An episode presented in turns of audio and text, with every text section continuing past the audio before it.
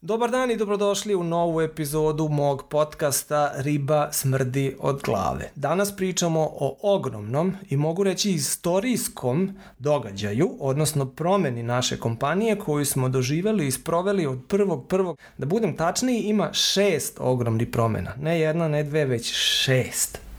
U ovoj epizodi ćete saznati sve detalje o svih šest. Dobar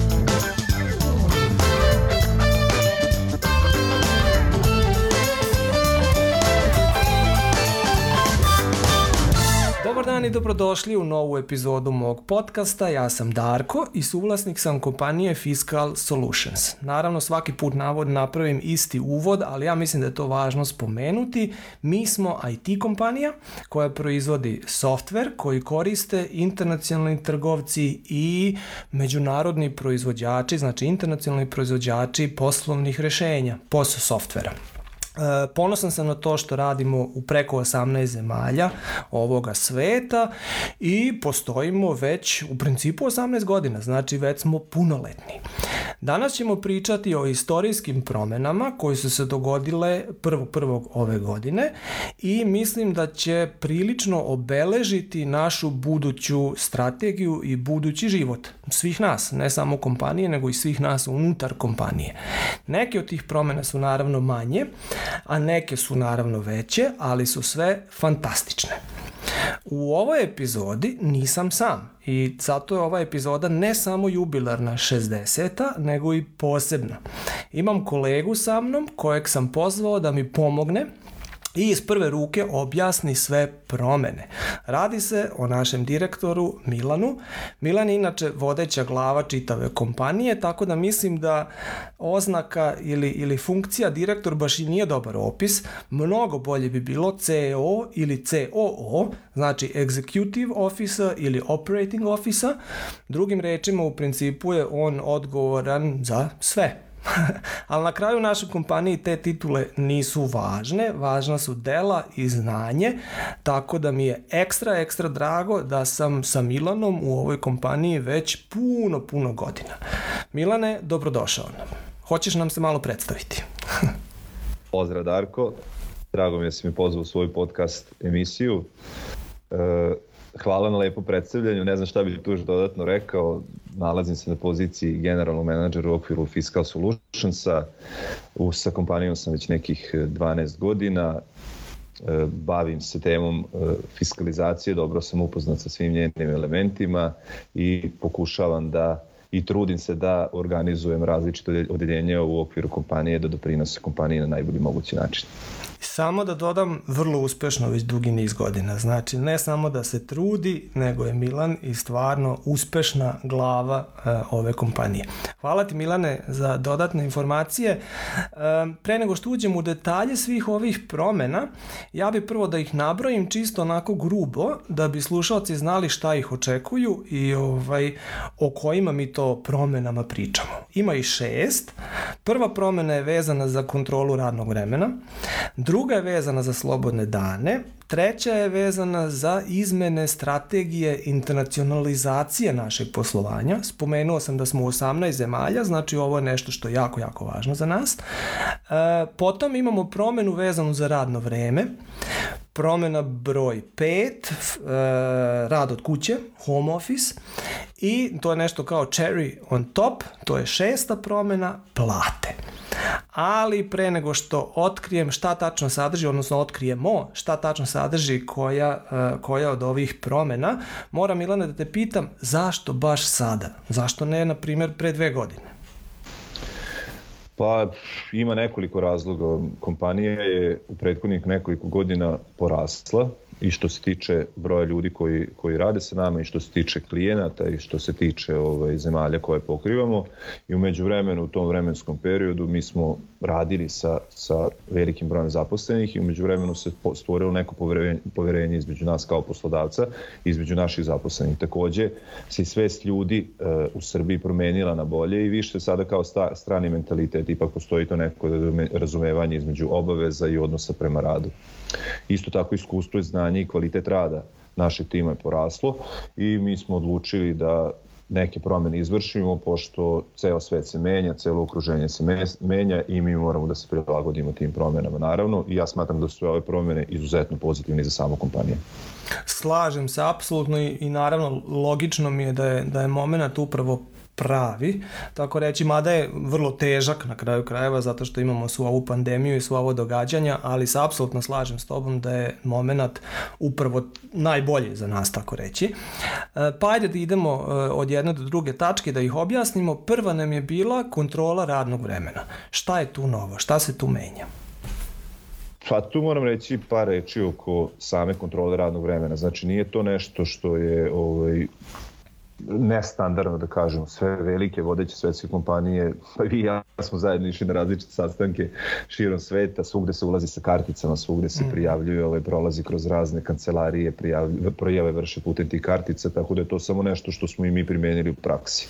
I smatram da je to i tekako važno zbog evidencije i zbog kontrole zaposlenih, pogotovo u, u, u kompanijama koje postoje sa velikim brojem ljudi kao što smo i mi.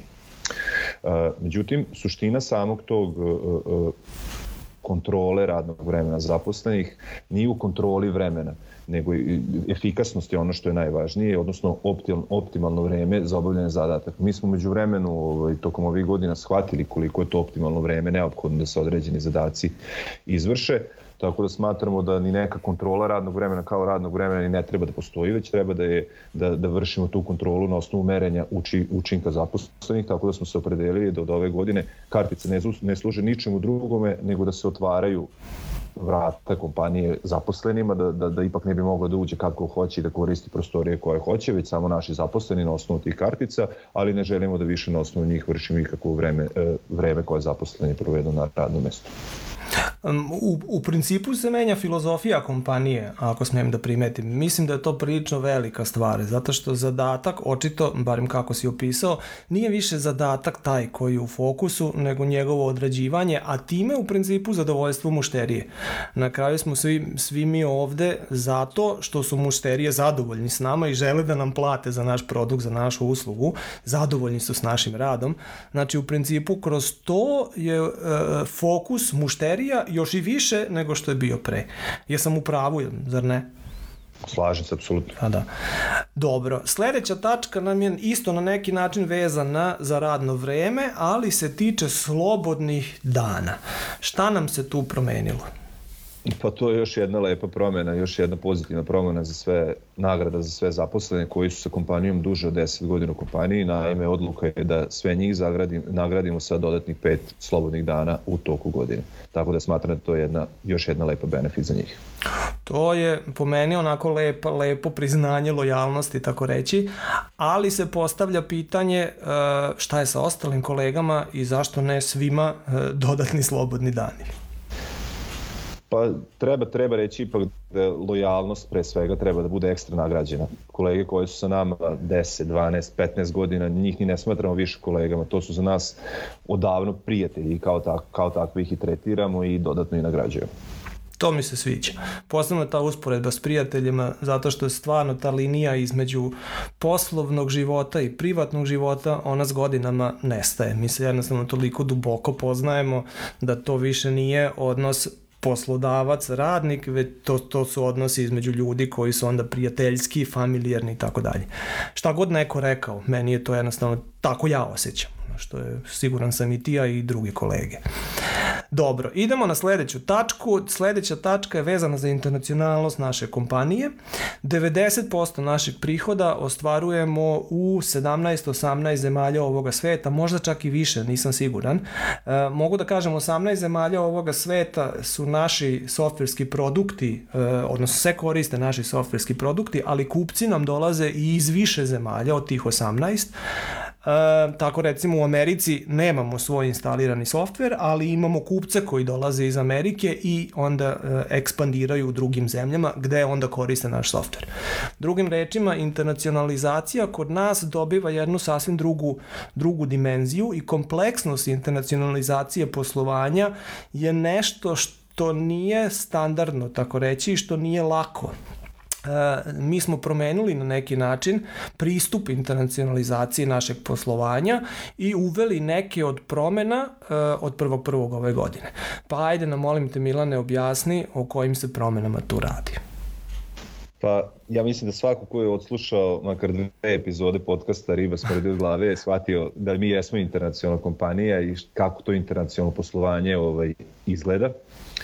U suštini ovaj, vrlo često se susrećemo, odnosno radimo sa velikim vodećim svetskim trgovinskim lancima i vodećim svetskim proizvođačima softvera, što znači da svakodnevno komuniciramo sa ljudima iz različitih krajeva ovog sveta.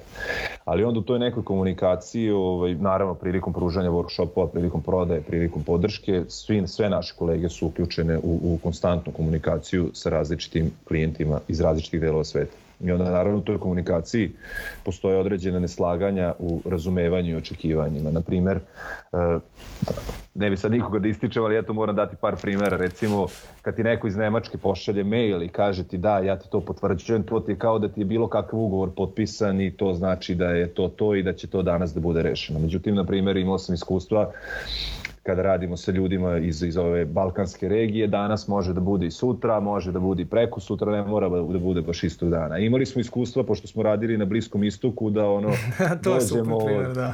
Da, tamo da. Smo, sve završimo, sve se dogovorimo, sve se ispričamo, izgrvimo se, izljubimo se i ono sutradan ništa. Ni sutra, ni preko sutra, ni za godinu dana, nikog projekta nema, ono da, sve da. je bilo već govoreno.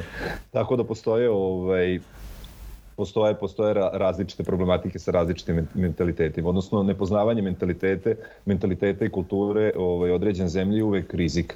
Posebno kad su pitanje neke egzotične zemlje kao što je Kina. A Kina naravno je, je ako nije prva, onda će vrlo, vrlo brzo postati broj jedan ekonomije u svetu i ovaj, izvesno je da će sve više biti poslovanja sa kineskim kompanijama, što prilikom naše možda ekspanzije u Kini, što možda prilikom e, ekspanzije kineskih kompanija u Evropi, tako da smo se mi odlučili da smanjimo taj rizik i da se dodatno posvetimo ovaj, toj kineskoj kulturi, tako što ćemo kroz nedeljne radionice dodatno edukovati zaposlene u Kini i o njihovoj kulturi. Pa smo onda dodatno se odlučili da ovu edukaciju proširimo i kroz uvođenje e, besplatnih obroka, odnosno kineske hrane, gde će ovaj, naši zaposleni imati prilike da jednom nedeljno poruče kinesku hranu, jer kako ide najbolje upoznavanje sa određenom kulturom nego preko stomaka. To, to je naravno super, ovaj, ali na drugoj strani mogla bi koja kilica onako da dođe jednostavno da. na stomačić. Sva sreća imamo CHO koji će se pobrinuti da, da na pravi način to izgubimo. Moram da. samo da spomenem, pošto si odlične primere naveo u kontekstu kultura, internacionalnog biznisa i tako dalje, i spomenuo, spomenuo si Bliski istok, i tačno sam se setio u tom momentu jednog projekta na kome smo radili, kojeg smo dogovorili u principu u šiša baru. Šiša bar je kafić na kraju krajeva gde se puši ona vodena lula njihova. I sad mi smo tu dogovorili, tačno se sećam, dogovorili sa, sa Arapom, sa gospodinom, ovaj, sve detalje projekta i ja sad ko ono normalan evropljanin rekao, ok, hoćemo sada potpišemo ugovor, a on me pita ono kao, a kakav ugovor? Pa rekao, ovo sve što smo se dogovorili.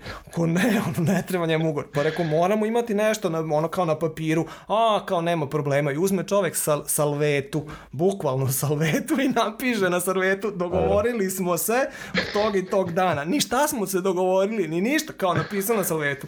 I to je ugovor. I stvarno je ispoštovo sve, tako da, ovaj, da, to nekad stvarno ovaj, ima sasvim drugu dimenziju, taj internacionalni biznis. Super. Da. Ali reci mi, molim te, da li to sad znači u onom momentu kad ostvarimo neke kineske projekte, u tom momentu nema više kineske hrane? Ili koja je tu ideja i strategija? Ne, ne, ne, ne. Krenuti to je jedna stvar e, i to traje neko vreme. Međutim, biti uspešan to je druga stvar i to često traje duže. Naš cilj je uspeh, a za uspeh je potrebno dobro poznavanje mentaliteta i kulture. Tako da pretpostavljam da ćemo dodati još neku buduću zemlju i imati njen dan, na primer, dan Kenije imaće šta CHO da radi, ali, ali bukvalno ne, neće njoj biti lako. No dobro, idemo na sledeću tačku. Eh, hvala ti prvo do, na ovim interesantnim informacijama. Sledeća tačka postaje još interesantnija, radi se naime o fleksibilnom radnom vremenu. Šta nas je tu novo dočekalo? Pa i to je još jedna dodatna pogodnost za naše zaposlene.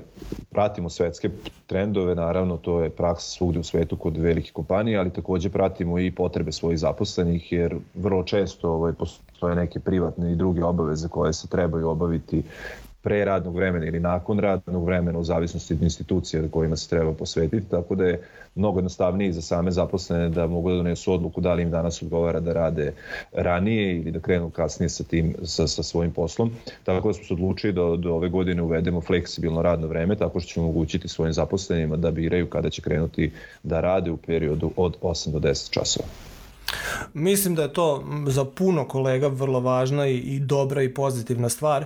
Moram samo da, da napomenem da mi radimo vrlo internacionalno, tako da nam je ta fleksibilnost naravno često vezana i za e, radna vremena naših klijenata i kupaca, tako da neke kolege mogu možda čak i kasnije da počnu ako to ima smisla u kontekstu njihovih zadataka, neke ranije, znači zavisi naravno od svega u odnosu, odnosno od ugovora koje imamo naravno sa kupcima. E, dobro, i na kraju, odnosno pred kraj, to nam je u principu predzadnja tačka, uh, rad od kuće. Kako stojimo sa tim? Pa, ovo ja mislim da je i, i najveća pogodnost, pošto ovaj, pre svega promene u svetu su pokazale da je moguće, a i mi smo imali ovaj, prilike da radimo od kuće u prethodnom vremenskom periodu, pa se pokazalo da kod nas u kompaniji to funkcioniše bez ikvih problema. Ono što mi kao kompanija radimo jeste da vrlo često na različite načine komuniciramo sa svojim zaposlenima. Jedan od, od takvih načina jeste bila anketa koju smo sproveli krajem prošle godine, gde je velika većina zaposlenih izrazila želju da ima mogućnost rada od kuće. Na kraju za to je neophodno da postoji međusobno poverenje, koje sam već objasnio ranije se steklo u prethodnom periodu, a naravno efikasnost i kvalitet je ono što ovaj, omogućava da se na ovakav način i radi, tako da se odlučili da dozvolimo svojim zaposlenima tu komociju, da rade ne od kuće, nego sa bilo koje lokacije koje omogućava da imaju sve uslove za izvršavanje rada rada i na kraju krajeva ovaj, ideja nam je da to bude moguće četiri dana nedeljno, zato što ipak smatram da mora da postoji taj određeni socijalan fizički moment gde će ljudi imati mogućnost, odnosno obavezu da jednom nedeljno budu u firmi i vide se sa ostatkom kolega da organizuju određene sastanke u timovima kako bi taj ovaj kontakt eh, opstao. Ja, ja moram samo da, da dodam na ovu tačku, svi vole naravno tu vrstu fleksibilnog rada, da li od kuće ili od nekog drugog uh, ili neke druge lokacije. Uh, ja lično radim već 18 godina u principu od kuće. Ovaj, mogu da kažem da je to nekad super, a nekad grozno. nekad da. je čak neizdrživo, ali naravno to ovisi o karakterima ljudi i šta ko najviše voli i šta mu najviše odgovara. Meni lično recimo fali fizički kontakt i sad zadnje dve godine zbog korone nisam mogao da putujem i to je meni katastrofa. Ovaj, tako da mislim da je uvek najoptimalnija neka kombinacija gde imam fizičko kontakta s kolegama u smislu socijalnog kontakta, timskog rada i tako dalje, a naravno onda ima momenta kada mi je baš odgovara da radim od kuće, da mogu da budem u nekom kućnom miru, nazovimo to tako. Mada... Pa, slažem se, slažem se, zato što ovaj, niste jedini. Ja, ja ovaj, u, u velikoj većini slučajeva sam praktikovao da radim iz kancelarije ovaj, nekad radim od kuće, nekad radim iz kancelarije, ali sa ljudima sa kojima sam pričao, koji su često, da kažem, osuđeni na rad od kuće, mm. oni jednostavno imaju potrebu, ovaj, nakon određenog vremena to onako postaje zamorno i onako mm. postaje onako izoluje čoveka i posle mi kao, kao živo biće, kao ljudi imamo ipak neku potrebu za tom socijalizacijom, tako da ovaj, ne mogu društvene mreže i kontakti putem ovaj Skype i telefona da zamene to neko ovaj, fizičko prisustvo, tako da ja, ali na kraju krajeva od osobe do osobe. Mi smo mm. tu taj benefit omogućili, pa nek svako ovaj, odluči šta je za njega najbolje. Ja mislim da to i najoptimalnije. I bližimo se kraju, odnosno šestoj tački, a šeska, šesta tačka je onako cherry on top, tako reći, i siguran sam da to najviše sve kolege interesuje, a to je plata. Šta nam se tu znatno i istorijsko dogodilo? Da, ovde ovaj, ja mislim da je ovako baš jedan ogroman i pozitivan pomak. U principu odlučili smo se da svim zaposlenima povećamo plate od početka ove godine. E, s tim da tu moram samo da napravim jedan mali komentar, znači svi koji su stalno zaposleni, oni će ovaj dobiti povećanje već sa prvom januarskom platom, a svim ostalim kolegama koji su primljeni određeno povećanje plate će se izvršiti onog momenta kada budu bili primljeni za stalno. Zašto smo se odlučili za, za ovaj potez? Pa prethodna godina je bila ovaj, prilično uspešna i naša ideja je da, da i mislimo i smatramo da ćemo sa tim uspehom i nastaviti i da ćemo i dalje dobro zarađivati i umesto da isplaćujemo taj profit i međusobno ga delimo ili da investiramo na primjer u zgrade, mi smo se odlučili da ga podelimo ljudima i to ne jednokratno, nego kao povišicu, što znači da će, to, da će taj profit ovaj, oni konstantno osjećati na, na svoje plati. Naravno, to za nas predstavlja rizik za svaku sledeću godinu, zato što ne možete nikad znati da li ćete ostvariti e, e, dodatni i veći prihod, ali sada već znamo da ćemo imati dodatni trošak, a to je veliki rizik. Ali mi verujemo tim koji je izuzetno uspešan i mi smo sigurni da ćemo, ovaj, da ćemo uspeti da ostvarimo uspeh u narednom periodu, da ćemo nastaviti s tim konstantnim rastom kao što smo i do sada ovaj, prethodnih godina imali slučaj. Što se tiče opterećenja za kompaniju, ono je ovaj, izuzetno veliko, znači povećali smo trošak plata za 30%. E sad, neko može postaviti pitanje da li će svaki pojedinac dobiti povećanje od 30%. Pa ne. Ovaj, po, po, po, mi smo svakog zaposlenog analizirali i na osnovu njegovog iskustva, znanja i doprinosa kompaniji i zasluzi ovaj, odlučili da povećamo tu platu. E sad neko može da misli, ok, pa ja sam dobro radio, to je ono nešto što mi sleduje, plus treba mi još veća plata zato što sam ja ovaj, bio dobar cele prošle godine i onda treba da imam i platu na platu. E to baš ne ide tako, zato što su mi, kao što sam malo pre rekao, svakog pojedinačno analizirali i njegove pozicije, učinka, napredka, doprinos kompaniji odlučili koju ćemo povišicu dodeliti. E sad isto ovdje moram na kraju da napomenem da to sad nije jedina povišica i da je to sad uklesano u kamenu, ne, nama je upravo ideja da dodatno nagrađujemo ljude da im povećamo platu, naravno u zavisnosti od njihovog ličnog napretka i razvoja, doprinosa kompaniji, učešće u projektima i sličnim stvarima. Znači, ideja jeste da se zaposlenima plate konstantno povećavaju. Uf, 30% je bome ogromna stvar. I ovaj, ja mislim da Slažem naravno, se. prvo to je pozitivno za sve kolege i naravno da je fantastično kad, kad se plata poveća i to generalno onako skoro pa svima, što je super, ali na drugoj strani to povećava naravno rizik i kroz to stvara dodatan pritisak, tako da svima nama mora biti jasno da kad se odlučimo da konstantno povećamo trošak kompanije za 30%, to je kao da smo povećali pritisak za 30% da kažemo, e sad to moramo i zaraditi sledeće godine. Znači, je. to je kao kad se digne kredit u banci i banka kaže, e, ti meni moraš sad platiti moju ratu. Ne možeš da preskočiš. Tako i ovo, mi ne možemo da preskočimo sledeći mesec 30% većeg troška za plate. Mi sad to moramo da isplatimo. Drugim rečima, rizik, odnosno pritisak koji je nastao, on će se naravno nešto, eh, odnosno bit će sigurno primetljiv, tako reći, u svim porama poslovanja. Tako da na jednoj strani je to super, na drugoj strani bit će više pritiska, ali s obzirom kakve kolege imamo, koliko su oni već, e, kako bi rekao, odrasli u svemu ovome što rade, koliko su iskusni, koliko su stručni, ja se ne bojim da ćemo to i uspeti. Bukvalno se ne bojim. Šta ti kažeš? Slažem se. Slažem se, pa ja, i meni je utisak isti takav, mislim na kraju ovaj, odluka jeste bila zasnovana na tome, verujemo u ljude, verujemo u tim, verujemo u kompaniju, tako da siguran sam da ćemo uspeti to i da ostvarimo. Super. Milane, približili smo se kraju, obradili smo svi šest tačaka. Ja bih želeo ekstra da ti se zahvalim na gostovanju, meni je bilo fantastično. Meni je takođe bilo veoma prijatno, zahvaljujem na pozivu i hvala slušalcima na pažnji. Ja se zahvaljujem još jednom svima na pažnji. Ako ima bilo kakvih pitanja ili neznoća, slobodno nas kontaktirajte. Mi smo ekstra dostupni na svim socijalnim mrežama koje postoje, čak i na TikToku.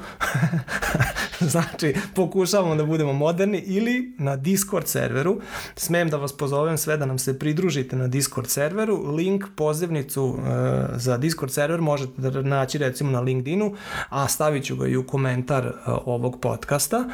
Uh, pridružite nam se, to je javni link, odnosno javni server i tamo javno komuniciramo o svim događanjima uh, oko tehnologija, oko trgovine, oko događanja u kompaniji i tako dalje.